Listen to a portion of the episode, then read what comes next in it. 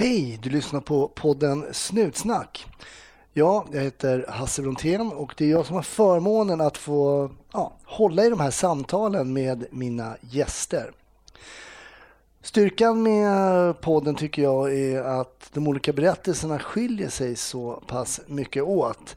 Att vi lyssnar på pensionerade poliser, poliser som har jobbat ett tag eller som idag en person som har jobbat som polis i ganska exakt ett år. Vad har man varit med om när man bara har jobbat i ett år? Har man hunnit med om någonting som man kan dra lärdom av eller inte? Vi kan ju höra vad Andreas har att berätta. Andreas eh, hittade jag på Instagram. Det är lustigt hur de olika gästerna dyker in från olika håll. Jag vet att du kanske lyssnar och har lämnat ett tips om en gäst som du skulle vilja höra. Jag läser givetvis allt, jag försöker svara, men ibland så tar det lite tid och eh, logistiken svänger åt alla möjliga håll. Därför kanske inte din önskade gäst har kommit i tid. Men eh, hav förtröstan och lite tålamod så ska du se att den dyker upp också.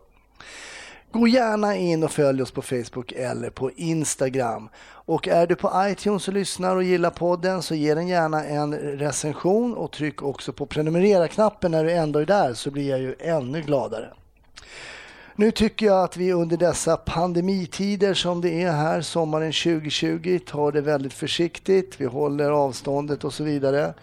Och sen hoppas jag också att du får en trevlig lyssning.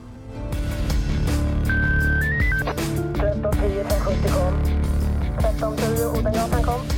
Ja, det är uppfattat. Vi tar det. Slut. Bra. Klart slut. Varmt välkommen till Snutsnack Andreas. Tack så jättemycket.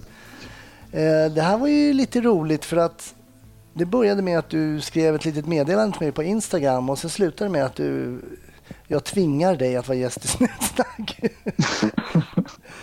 ja, typ. Det är helt sjukt. Jag ville bara berätta att jag tycker att det är en fantastiskt bra podd. Eh, jag försöker leva mitt liv så att jag ger folk beröm när det finns tillfälle och när det är berättigat. Eh, det är alltid kul att få uppskattning. Så jag skrev bara några meningar och så frågade de mig direkt om jag ville börja. Så att eh, jag blev jättechockad men eh, eh, jättekul.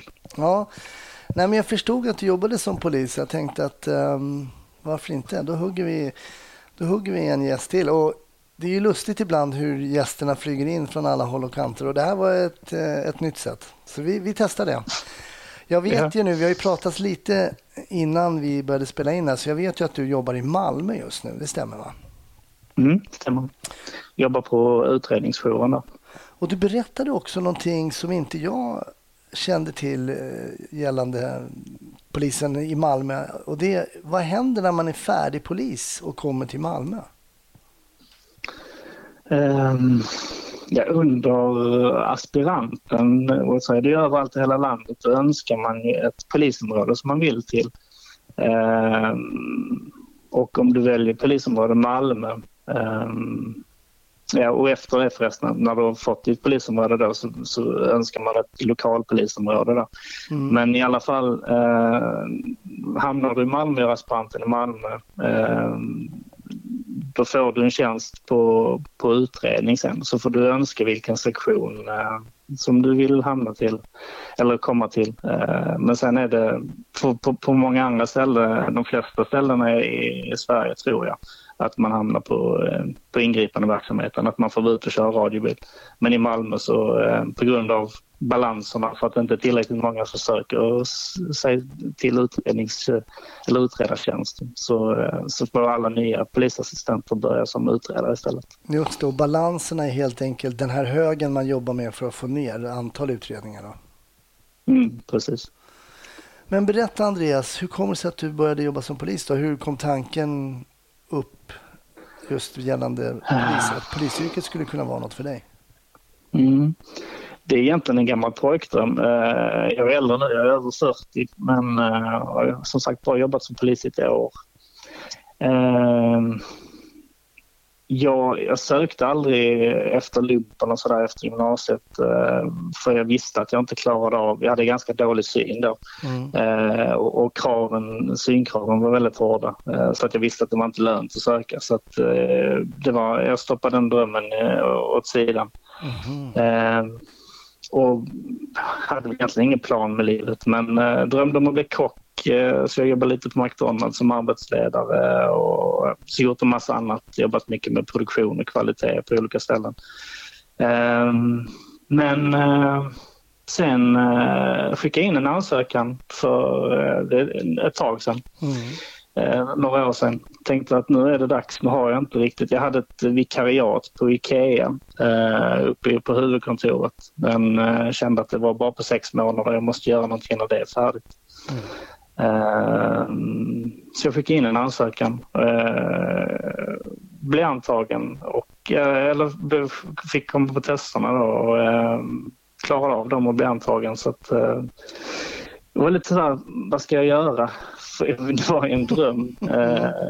men samtidigt så, eh, jag visste inte riktigt vad jag skulle göra men jag kände att jag skulle följa hjärtat så jag tackade ja till utbildningen och gick dit och sen redan första dagen i skolan var det som att himlen öppnade sig för mig och änglarna sjöng så jag visste att jag var, oj, jag var på rätt ställe. Alltså du kände det alltså, äh, så pass fort ändå alltså?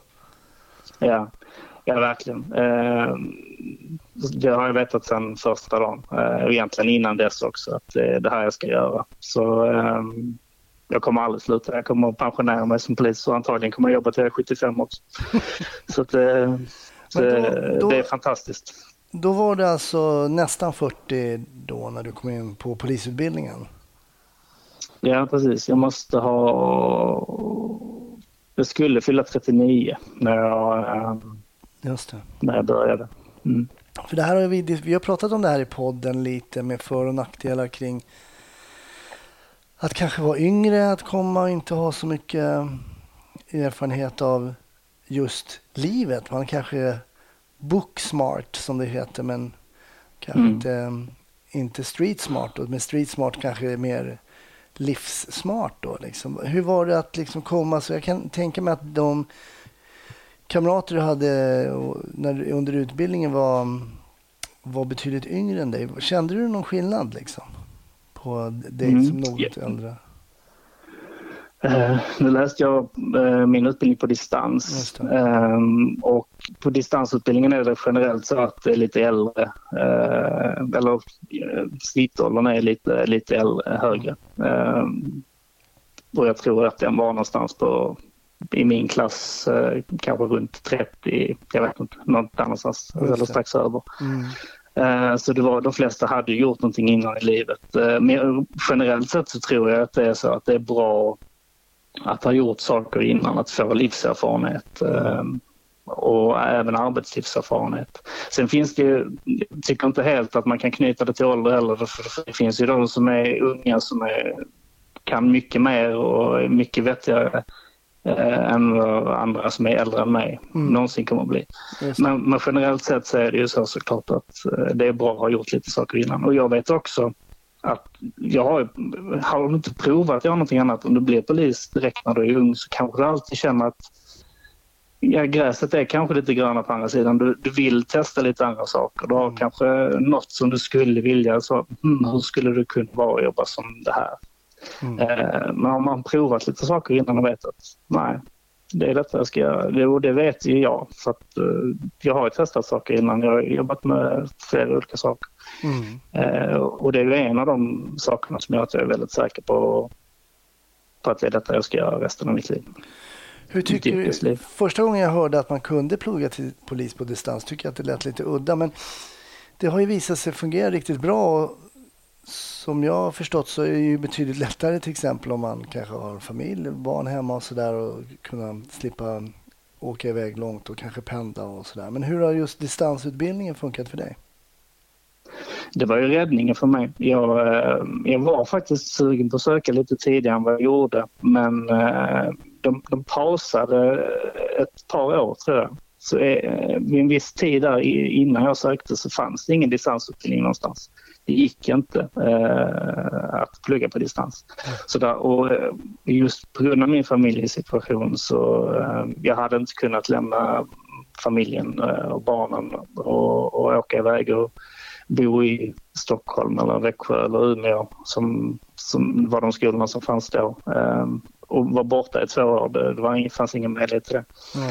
Så därför, därför blev det min räddning att distansutbildningen öppnade upp i, i Växjö då, som där jag läste. Mm. Eh, det har inte funkat annars. Och sen hade vi, vi var i Växjö en vecka per eller fyra veckor per termin tror jag ungefär. Eh, där vi var hela veckan i Växjö och gjorde massa moment och träffade lärarna där och, och så och hade examination och sånt. Men annars gjorde vi eh, det mesta i praktisk väg runt om i Skåne. Bilkörning och, och skytte och konflikthantering och, och bastaktik och så vidare. Eh, så det, det underlättade enormt för mig. Ja, det hade inte gått annars. Nej, så en bra lösning för dig alltså. Men mm. du har ju bara som du nämner då, du har ju jobbat um, ett år ganska exakt uh, som polis då, och som utredare. Hur trivs du med det? För jag kan tänka mig att när man är färdig som polis så vill man ju liksom dra på sig uniformen och sätta sig i en polisbil och fånga bovar på stan. Ja, jo, och för många, och även för, eller för många så är det ju så att det, det, det när folk tänker polis är det ju det man tänker att en polis gör. Man är ute och, och kör radiobil och kommer när du ringer till 112. Um, ehm, och det är väl också en anledning till att färre söker sig till Malmö just för att du hamnar på utredning. Och jag ska också erkänna att eh, jag, var, hade, var, jag brukar inte vara negativ till så mycket. Men, och det, jag var inte supernegativ till det heller för att jag bara gillar läget. Men eh, jag hade väl en tanke på att kanske inte söka mig till Malmö just för att få lov att komma ut på, på IGV direkt. Men jag tänker, jag tänker, förlåt nu avbryter jag det, men jag tänker att det ändå finns fördelar trots att jag förstår att man vill ut och, och, och, och riva och, slita och, sådär på stan. Men, men att, men att kunna utredningar när man kommer ut som eh, ingripande polis är ju oerhört värdefullt. Det är jättevärdefullt. Jag skulle faktiskt komma till det. Eh, för att jag var negativt inställd eh, till det till en mm. början. Men nu tycker jag nästan att man kanske borde Eh, man kanske ska införa det som ett krav, men jag känner att jag kommer ha väldigt stor nytta av eh, när jag kommer ut på IGV sen eh, till hösten, att ha fått gjort ett år lite till inne som utredare. För att du vet ju mycket mer vad som du vet vad du ska göra eh, när du är ute på plats för att det ska vara lättare att avrapportera det sen för att man snabbare ska kunna mm. lösa brottet eh, och för att bidra också till att den här balansen med massa utredningar, eh, att den blir eh, mindre. Ehm, så att jag tror definitivt att man blir mycket, mycket bättre polis om du har utredning i grunden. Mm. Och vi, om vi förklarar lite för våra icke-polisiära eh, lyssnare så kan man säga att i, i vissa enklare polisutredningar så kan ju faktiskt en ordningspatrull mer eller mindre göra färdig en hel förundersökning på plats. Eh, mm.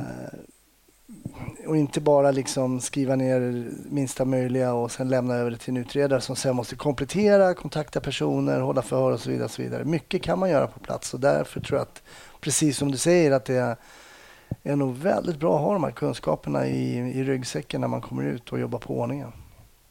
Ja, definitivt. Men jag kan tänka mig att det finns en del som står och trampar där och, och vill ut. För det, det, är det man vill när man är, jo, är färdig. men så är det. Jag, jag hade faktiskt en i min klass uh, som, som, ville, som blev polis och läste utbildningen för att han ville bli utredare. Men annars så tror jag det vanliga är att, att man vill ut och köra radiobil, i alla fall en tid. Ja. Uh, och det är ju jättemånga som står och trampar, det är det definitivt. Uh, det är ju det som hägrar.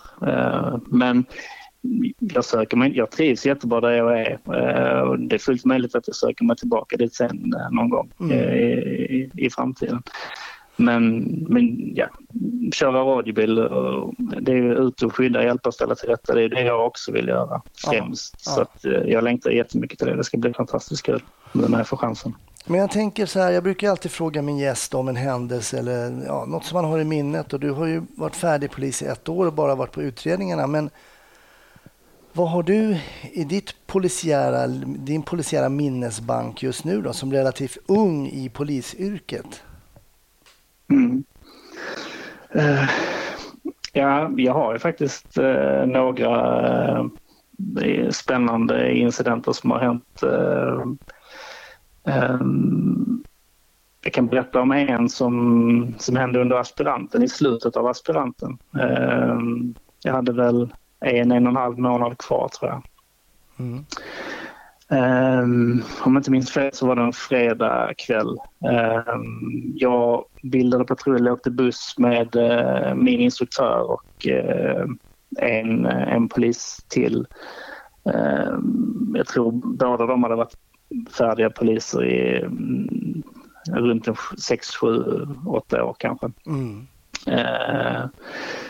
jag är gammal ordningsvakt sen innan eh, och har massa eh, ordningsvaktsvänner som, som jobbar eh, i krogmiljö och sådär. Så att jag har ett litet extra intresse av att eh, och det är ju något som vi ska göra som polis också, att uh, ha kontakt med dem så att de känner sig sedda och, och uh, vet att vi, vi har deras uh, rygg om det skulle vara något och sådär. Men, men ja, jag tror de flesta i, i, eh, i utsättningarna eller de bilarna som var ute, de hade, det var dags att köra in och äta. Jag tror de flesta var inne och, och på stationerna och åt redan. Men vi var ute i alla fall. Vi hade precis kört och just för att det var fredag kväll så, där så var det, och jag tror det var lönehelg också, så det var lite, lite AVs på olika ställen i, i stan och så. så vi, vi hade precis kört och kollat till, eh, till en sån här AV.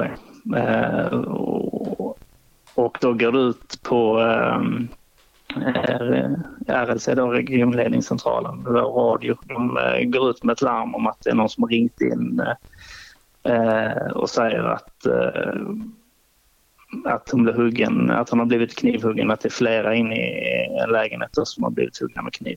Okay. Okay.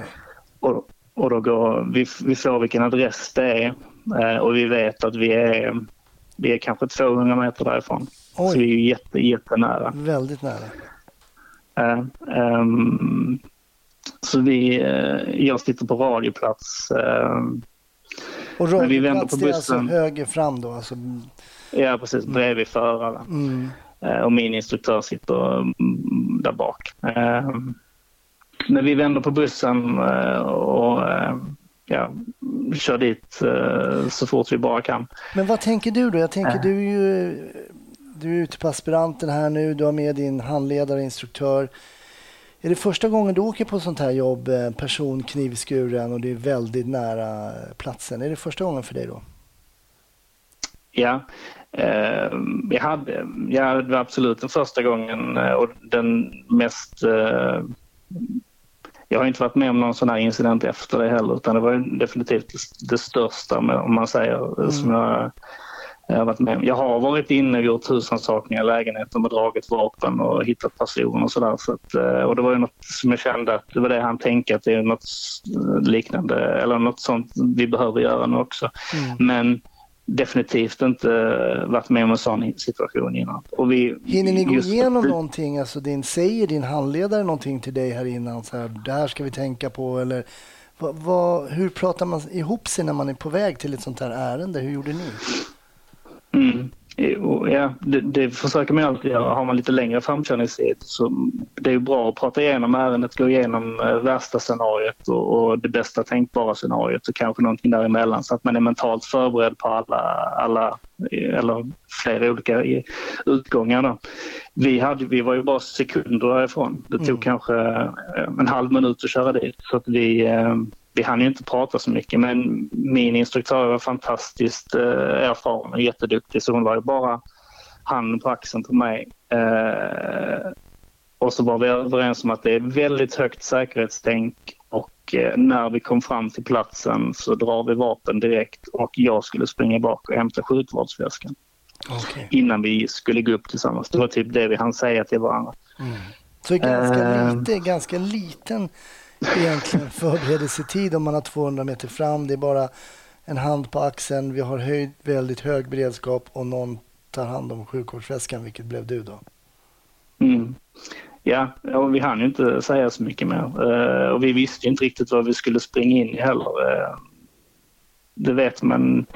Man får ju en bild av ledningscentralen men det är ju inte alltid den stämmer. Uh, för de har ju bildat sig en egen uppfattning från någon som ringer in och det, det men det var det vi, det vi hade då. Så ja, vi skriker vi kör in snabbt med, med bussen. Jag säger, säger till att vi är på plats. Vi hör att fler kollegor är på väg, hör vi över radion. Mm. Men vi måste ju upp för att det är ju någon som, som vi, alltså någon springer runt där uppe och hugger någon med kniv. Så att uh, vi måste ju in och avbryta det. Mm. ja, ut ur bussen bak hämta sjukvårdsväskan, fick den på mig, så sprang jag tillbaka eh, och då hade mina kollegor eh, fått upp dörren eh, in till porten. Så vi kom in i porten och då är det en hiss och sen till höger så är det en, en trappa, en spiraltrappa upp. De, vi hade fått vilket lägenhetsnummer det skulle vara, tror jag. Eller vilken våning åtminstone. Så jag frågar bara vem jag ska följa med. För jag, man bruk, ja, vi vill ju inte att alla springer på samma ställe så, så tar han den andra vägen ut och så, så är man av med honom. Utan vi vill ju täcka alla in och utgångar så, att, eh, så vi ska få honom också om man nu skulle få för sig att fly därifrån. Mm. Eh, jag, kommer faktiskt, jag tror jag sprang i trappan eh, tillsammans med med en av mina kollegor så tog min, för min instruktör till hissen. Men strunt samma. Mm. Upp till den våning som vi trodde där är helt... Vi kom, det är ett litet trapphus. Det är mm. kanske en och en halv gånger fyra, fem meter. Eh, och där är dörrar överallt. Eh, det är jättemycket lägenheter. Eh, men det är knäpptyst dit vi kom upp. All, alla dörrar är stängda. Vi hör ingenting. Eh, så, eh, någon i patrullen eh, frågar ledningscentralen vilken lägenhet det var nu. Eh, och så kommer det samtidigt ut en granne som säger att hon har hört eh, ljud som hon tror är ovanför. Eh, och, ja, man, har lite, man är lite stressad för man vill ju snabbt dit och, och, och hjälpa till. Eh, så eh, ja, vi börjar springa upp eh, i alla tre tar trappan då. Eh, men vi hinner bara upp ett par steg och då hör, får vi från ledningscentralen vilken lägenhet det är och då vet de andra, eller en av oss i patrullen i alla fall, exakt vilket våningsplan vi ska till eller var den lägenheten är. Så vi springer ner igen och när vi kommer ner var vi nu, jag vet inte om det var där vi var innan. Så att, sådana detaljer jag inte... Jag ville bara vara med och försöka göra det så bra som möjligt. Mm. Men då kommer vi ut eh, i ett trapphus i alla fall och då har vi en dörr som står på glänt. Eh, och jag ser Daimlen springa på en, jag vet inte, den, den är inte jätteöppen, kanske 15-20 centimeter öppen. Men jag ser in i trapphuset och vi hör ljud där inifrån också. Men jag ser in en man. Jag ser bara hans svarta ögon och liksom att han håller en kniv. Eh, och där, alltså, man börjar kona lite grann. Man är, man är nere i stresskonan liksom, just för att ja, kroppen jobbar så. Eh, man tappar lite syn, man tappar lite hörsel. Eh, det gör de flesta. Mm. Och det blir man såklart bättre och bättre på efterhand som man hamnar i sådana situationer. Men detta var ju min första som, eh, av den digniteten. Kunde du, känna, eh, kunde du känna hur din kropp liksom reagerade på den här stressade situationen? Ja, ja jag, jag, märkte det. Jag tappade, jag har så väldigt selektiv hörsel eh, när detta börjar utspela sig. Jag hör, bara, jag hör att eh, min kollega skriker på honom. För den här mannen eh, börjar röra sig mot oss och dörren öppnar sig lite mer. Eh, men jag, det känns som att, för det är ganska kort avstånd, han, jag, han är kanske 7-8 meter ifrån oss inne i sin lägenhet. först. Men, så det känns som att han när han börjar springa så borde han komma ut till oss på ingen tid alls. Men det känns som att det tar en evighet innan han kommer fram. Mm. Eh, och det förstår jag sen att det är hans eh, pappa som, som hänger på honom och sliter i honom för att han vill stoppa honom från att ta sig ut till oss. Okay. Men det ser jag inte riktigt då, eh, där och då eh, i den smala eh, springan som jag tittar in genom. I den vinkeln som jag har. Men det är också så pass smalt i det här trapphuset så vi kan inte stå alla tre i bredd. Så jag står till vänster, och min ena kollega står till höger och sen står min instruktör mellan oss fast lite bakom för att ja, det finns inte plats till henne och sen är det kanske inte, det hade inte varit jättebra om vi hade stått axel mot axel när man står med dragna vapen mm. eh, och fingret på avtrycken. Men i alla fall efter en liten, liten stund så kommer han ut eh, fly förbannad, det bara kokar i ögonen på honom. Eh, och han står med kniven eh, riktad mot oss eh, och han skriker hela tiden skjut mig, skjut mig, skjut mig. Okay. Och vi var... Eh, och det enda jag, eller jag... Jag tänkte tusen grejer, men det som jag försökte processa och, eh, det jag tänkte var att jag måste, alltså vi måste hitta ett annat sätt att lösa detta på än att skjuta honom. Mm. Det hade inte varit känsligt, alltså det hade varit eh, det hade inte, vi hade inte gjort något fel om vi hade skjutit honom allihopa där i det läget. För mm, han är, vi är bara några meter ifrån honom, ett jätteträngt eh, utrymme. Eh, och han står verkligen och hotar oss och, och, skulle han vilja så hade han ju fått en av oss i alla fall. Och ett oturligt stick i halsen på mig eller min kollega så är, är vi döda. Eller man springer in i lägenheten igen och fortsätter hugga de andra. Eh, men hade vi ni någon målsägare? Hade ni någon som var skadad? Eller det, ni, det här är det ni ser nu, pappan och nu har han kommit ut och det är de två ni har eller? Precis. Eh, i, där och då så vi har ju kommit fram till trapphuset, vi har hittat rätt lägenhet men vi har inte tagit oss in i lägenheten för nu har vi har vi eh, misstänkt, eller gärningsmannen eh, mitt framför oss som hotar att döda oss. Mm.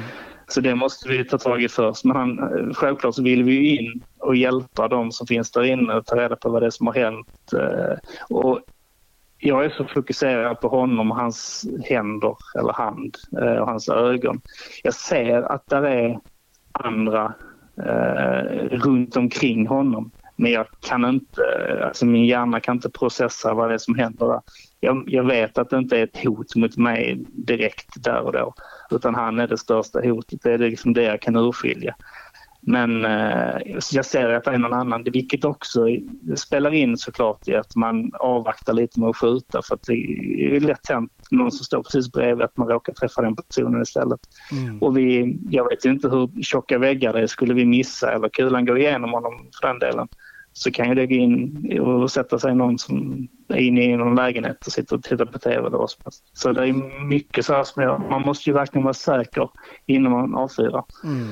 Uh, och jag känner hela tiden att vi måste försöka lösa detta på något annat sätt. Men vi tänker också liksom att ett steg mot oss nu, minsta utfall han gör, jag vet inte vad de andra tänker men det är det jag tänker. Då måste jag liksom, då måste jag trycka av och vi, vi står ju eller ja, vi står ju med, med vapnet. Jag siktar mot hans huvud för jag känner att det är där jag måste träffa för att jag ska... Eh,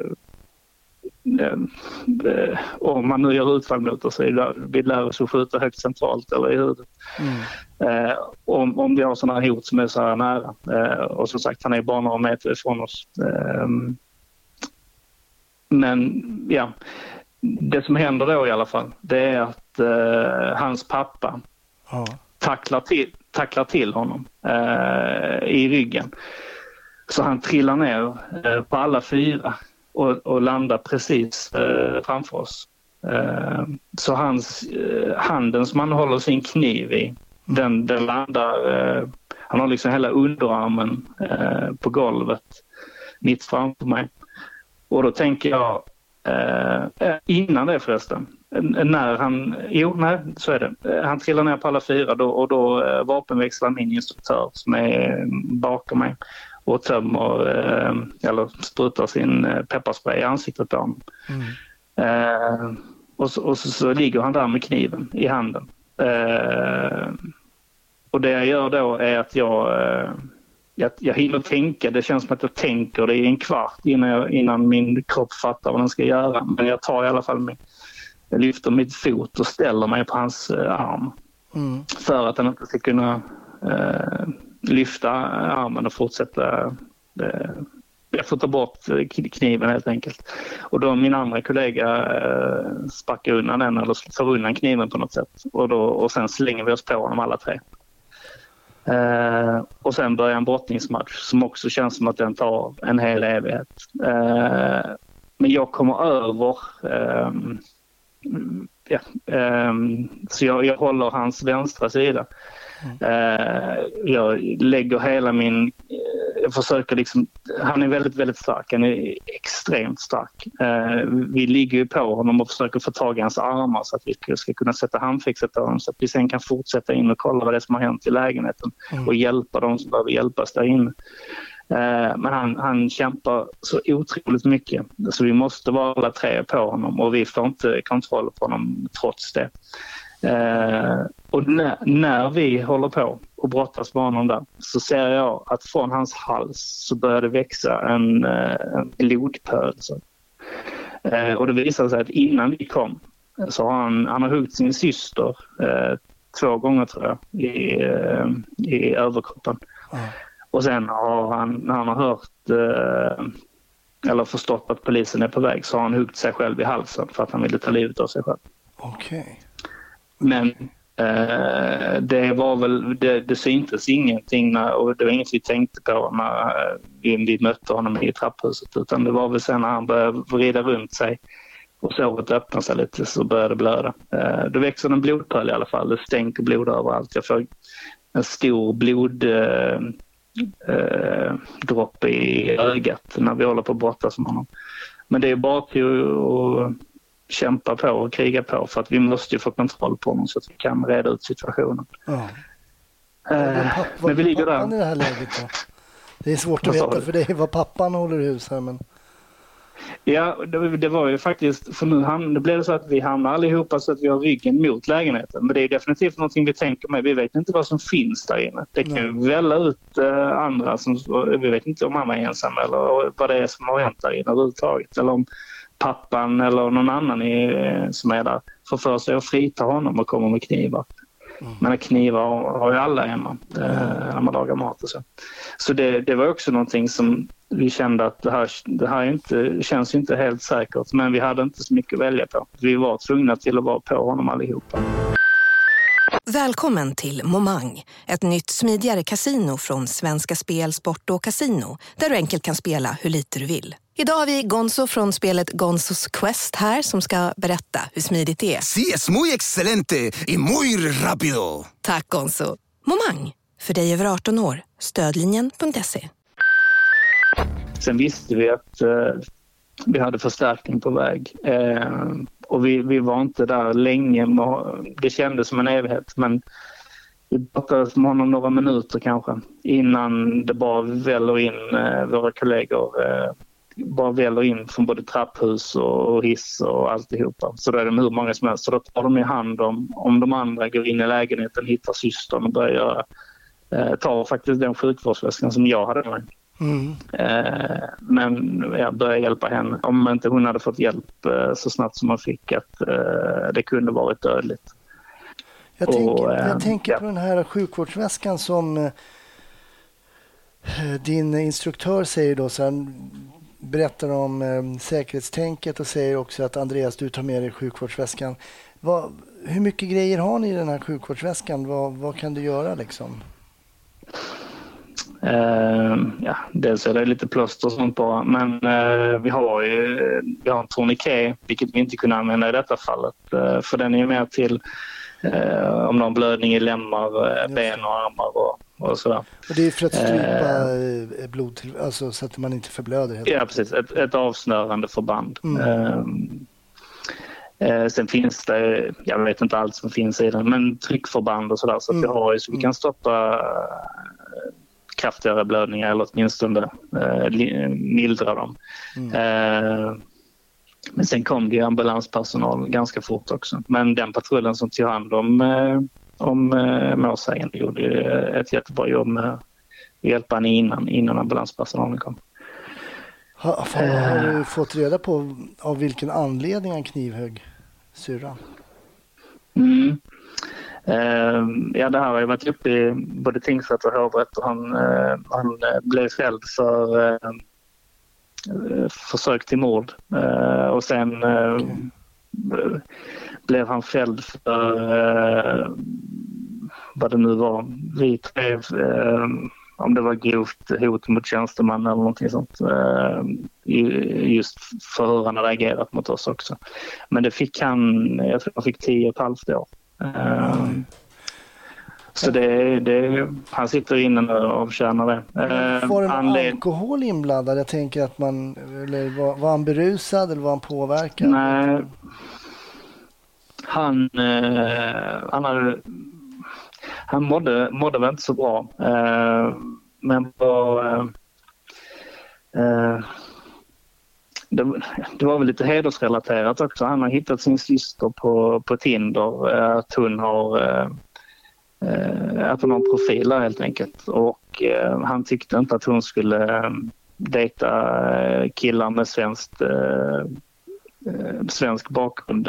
Ah, okay så hade han hittat någon konversation eller något som han tolkade som en konversation med att hon hade någon blond kille som hon hade snackat med. Vilket inte var så allvarligt egentligen eller hon hade avfärdat det här men han tolkade på något annat sätt. Och sen så hade, hade det väl hänt, han hade konfronterat henne vid ett tidigare tillfälle men då hade hon lovat att ta bort sitt konto. Men sen hade hon väl haft kvar det eller han hade tolkat det som att hon hade inte tagit bort det. Eh, så han blev fly förbannad. Eh, skulle väl ändå hem och äta middag hos föräldrarna men sen så passade han på eh, ja, eller det urartade helt. Mm. Han kunde inte tygla sin ilska och högg henne. Det var ju bra att farsan var med där i alla fall och, och tacklade. Ja, för han, eh, han hade väl försökt in i lägenheten också och stoppa honom och, och eh, få honom till att sluta bråka eller få eh, sonen att inte ge sig på henne. Vad som är intressant som du berättar här, du berättar ju den här, eh, liksom, ni hade ju som en liten standstill här och du berättar alla de här tankarna som går igenom ditt huvud och liksom vetskapen om hur snabbt det går. Och för att förtydliga det, ibland övar man det, jag vet att vi övade bland annat eh, knivattack liksom. Och det går så oerhört fort. Det går så oerhört fort från korta distanser så att man, man knappt hinner nästan reagera. Och att, som du säger, en, ett svep med en kniv över en halspulsåder eller någonting, det, eh, det går makalöst fort. Mm.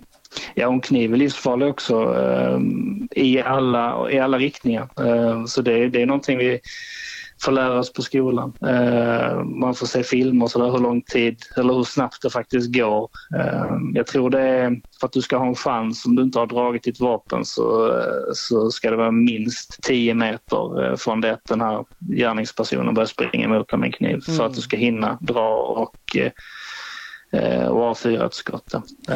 Så det går otroligt fort. Och nu stod vi, hade vi visserligen dragna vapen men han var kanske två, tre meter från oss och vi hade ingenstans att fly heller om vi skulle behöva göra det. Eh, Sen, så nej, det kunde gått riktigt illa. Ja, men verkligen. Men du berättar också här att ni lär er att sikta högt och centralt. Och um, i det här läget så är det också viktigt att veta varför man avfyrar sitt vapen. Inte, här är det inte fråga om att det, det, är bara, det är bara fråga om att oskadliggöra hotet och det kanske man inte kan göra med ett skott i benet. Nej, nej och så, är, så är det också ju mer beredd man är och ju bättre, större avstånd man har eh, desto bättre är det ju såklart. Så om vi måste skjuta eh, så gör man ju det först och främst i benen. Om avståndet och andra omständigheter tillåter det. Eh, så skulle vi haft 15 meter istället så hade vi inte siktat i huvudet på honom såklart. Precis. Men, eh, men just för att det går så snabbt eh, Även om vi hade kanske skjutit honom, om han hade gjort ett utfall mot oss och vi hade börjat skjuta honom så hade det inte säkert att våra kulor hade stoppat honom. Han hade kunnat hugga oss alla tre i alla fall. Det finns ju många fall när folk från eller jag vet ett fall, jag tror det var insatsstyrkan eh, i något fall i Malmö, eh, där var någon som kom springande med svärd och det tog, jag tror det tog 15 skott innan, innan eh, de fällde honom. Och det var för att de träffade lårbenet i, i benet som han trillade ner, annars hade han ju fortsatt. Eh, har du massa preparat eller annat i kroppen eller det behöver inte ens ha det så, så kan, kan du tåla hur mycket som helst. Ehm, så när det gäller ju, i det fallet som vi var i så fanns det ingen annan utväg. Det var, det var bröstet eller huvudet som gällde. Um, du, det är intressant en sak som du sa innan hela historien, innan du berättade hela historien, sa att det var också lönehelg och det är rätt intressant. För det är inte bara säljarna i den lokala gallerian som märker av när det är lönehelg, utan det gör poliser också. Att man kanske är lite extra på spänn en lönehelg. Nu var ju inte det här relaterat till lön egentligen, det här ärendet, men det är någonting som man pratar om som polis, när man, ja, men nu är det lönehelg. Mm. Eh, inte så mycket nu i coronatider, men Nej, normalt sett eh, eh, så är det ju...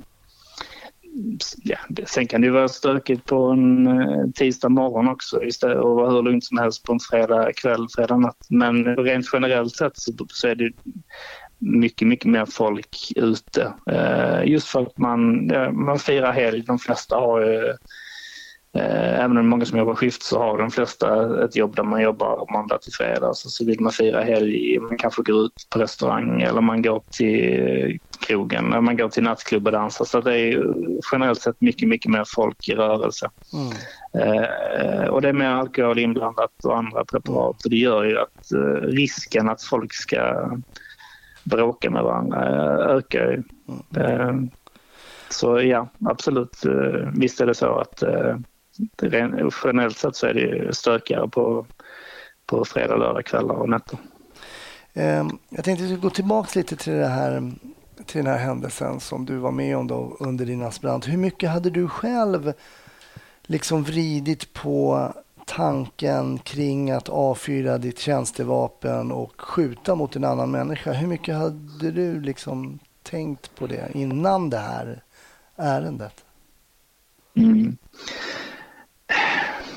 jag tror jag hade tänkt på den en del men det är en sak att försöka det är en sak att tänka på det. det. Det går inte riktigt att föreställa sig hur, hur man fungerar och hur man verkligen tänker förrän man är i ett sånt skarpt scenario tror jag. Mm. Um, för jag, jag så här jag, jag sitter jättemycket på Youtube och, och eh, kollar på... Eh, jag tycker mental förberedelse är viktigt så jag, jag sitter eh, och, och jag googlar och söker på mm, polisingripanden som går fel, där poliser hamnar illa ut, och poliser som blir skjutna, poliser som blir skadade eller ja, trafikolyckor, vad som helst, just för att, jag vet inte, jag, jag, jag fascineras av det, men jag vill förbereda mig. Jag vill ha sett det, för jag tänker någonstans att då är jag lite, lite mer förberedd om det skulle hända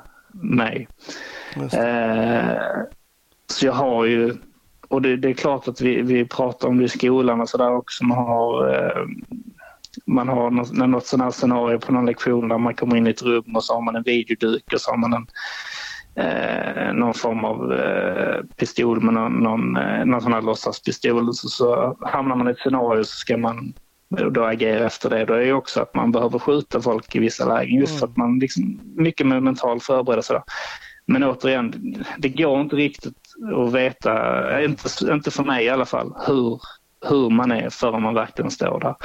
Uh, så, så jag, jag blev lite förvånad över mig själv också just för att det kändes som att jag fick lock för öronen. Del, jag hörde vissa saker men jag hörde inte allt. Jag såg liksom, ah, vissa saker blev blurriga men jag var väldigt fokuserad på, på hoten mot mig som min hjärna fattade att det här är farligt för dig. Det var jag jättefokuserad på mm.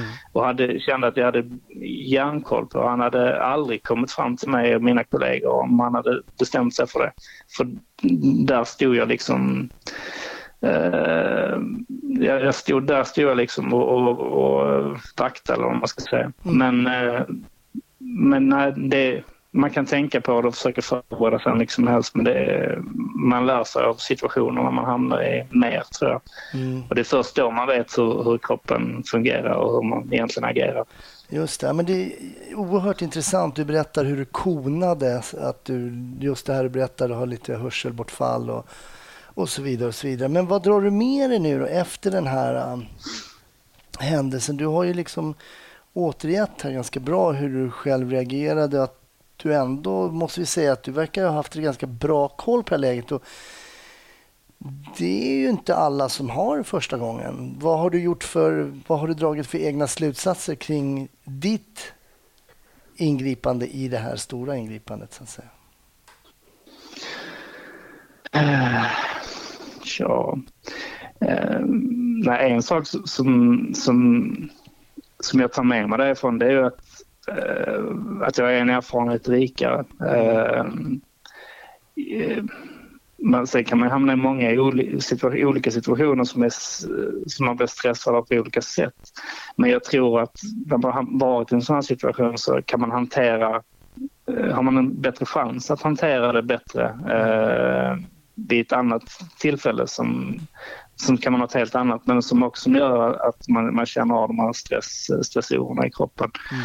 Så det tar jag med mig. Jag är jätteglad att jag, eh, att jag har eh, har den här erfarenheten, att jag är den erfarenheten rikare. Eh, vad som gjorde att jag hanterade så pass bra som jag gjorde, för vi pratade om det alla tre eh, efteråt flera gånger. Eh, och vi kände väl att skulle vi hamna i det här hundra gånger om, eller det är väl min lärdom som jag har dragit från det i alla fall, men, men att, att vi skulle löst den i princip likadant eh, varje gång för att eh, allting gick så pass bra. Möjligtvis att vi hittade lägenheten rätt direkt.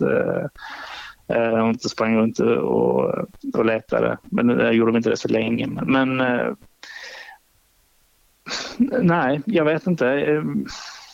Eh, det är väl lite hur man är som person kanske. Mm. Och lite som jag pratade om, att man försöker förbereda sig mentalt. Jag vet inte. Det intressanta är det... att man lär känna sig själv lite grann och mm, kanske verkligen. lär känna delar av sig själv som är oupptäckta lite grann, vilket på ett sätt kan vara både Eh, spännande och skrämmande beroende på vad man upptäcker. Um, Definitivt. Mm. Och det tror jag att, uh, att jag kommer att tänka, för nu, det var mycket som bara gick på eh, av sig själv. Liksom. Men jag tror jag kommer att tänka av.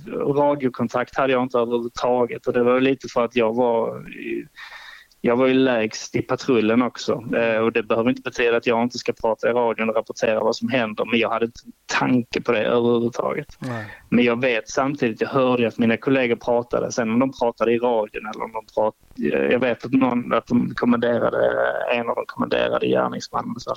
Men det är ju någonting som jag definitivt eh, ta med mig. Eh, och det vet jag sen innan också. Men att jag, jag nog kommer fokusera. Det kommer vara lättare att tänka på det också. Eh, när man hamnar i en annan situation. Så tror jag att jag hade gjort det naturligt också när man inte är yngst i patrullen eller att man är aspirant. Eh, att man växer, eller att jag växer lite med, med ansvar eller den rollen jag har eh, i, i patrullen. Men, men, som sagt, jag hade inte en tanke på det eh, överhuvudtaget. Då. det var så mycket annat som stressade mig och som jag fokuserade på. Det tog liksom all min koncentration och mitt fokus, det som jag berättat. Men mm. sådana saker är viktigt att ta med sig för du måste ju berätta för dina kollegor vad som händer.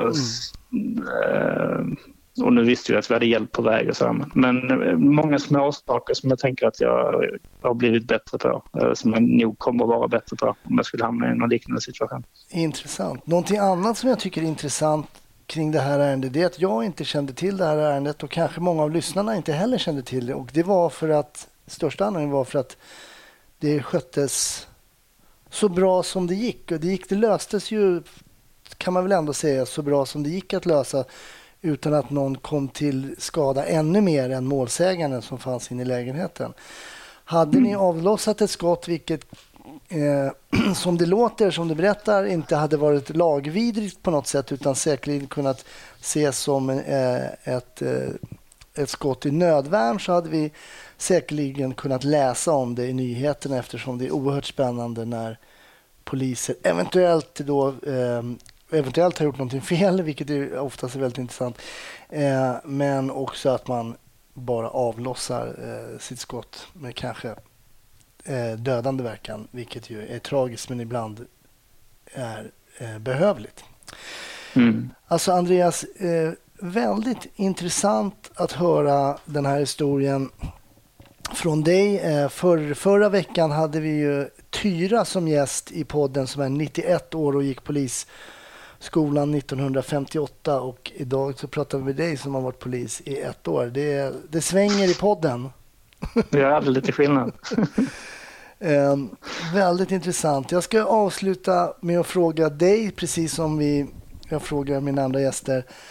Eh, polisfilmer och polisserier. Du berättade att du sökte på eh, polisingripanden på Youtube. Men om vi går till fiktionens värld, och tittar du på polisfilmer där det liksom är hittepå också? Eh, ja, men jo, det gör jag. Det är inte så att jag måste bara titta på polisfilmer och polisserier. Men det är väl klart att man har sett eh, några stycken eh, under sin tid. Innan vi släpper Youtube så måste jag faktiskt mm. tipsa om en som, som, som fungerar lite som du faktiskt. Han är, det är en kille som heter Donut Operator. Eh, hans konto heter så också. Donut en gammal, Operator, ja. Mm, en gammal polis, eh, jag tror han var polis i tre år någonting, någonstans i USA. Eh, som slutade av anledningar som jag inte vet. Men han sitter också och väldigt objektivt eh, och, och sakligt går igenom samlar in all bevis som finns, kroppskamerafilmer från poliser och alla filmer som finns och allt annat eh, uttalanden från polismyndigheterna eh, i, i de här olika incidenterna. Det kan vara skjutningar eller ingripanden av alla möjliga slag.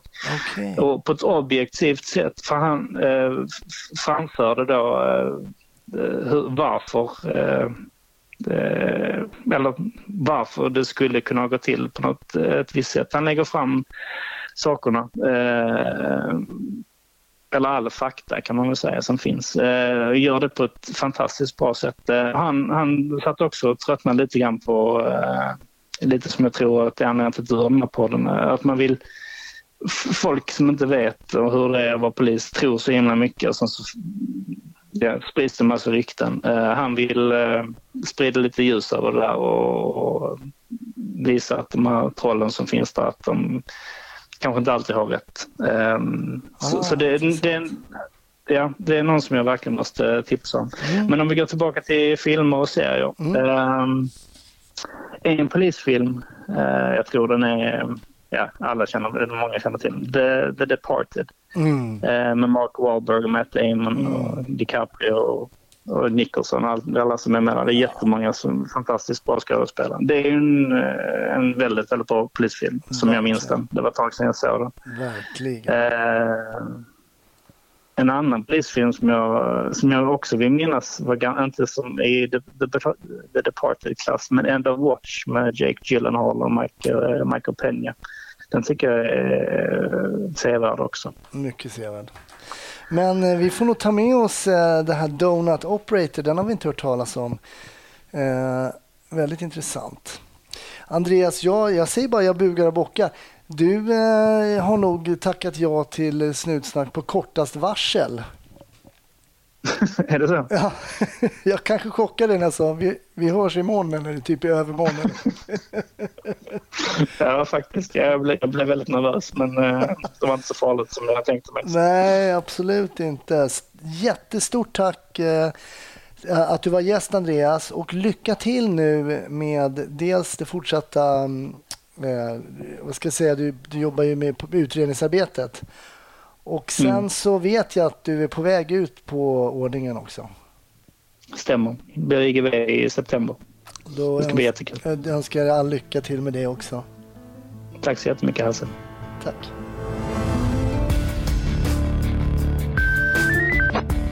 Tack så mycket. Det här avsnittet av Snutsnack är nu slut. Men jag hoppas ju givetvis att det kommer ut ett nästa vecka som det alltid har gjort under drygt 140 veckor. Ha det så bra fram till nästa gång. Häng med oss på Facebook och Instagram. Ha det bra. Hej då!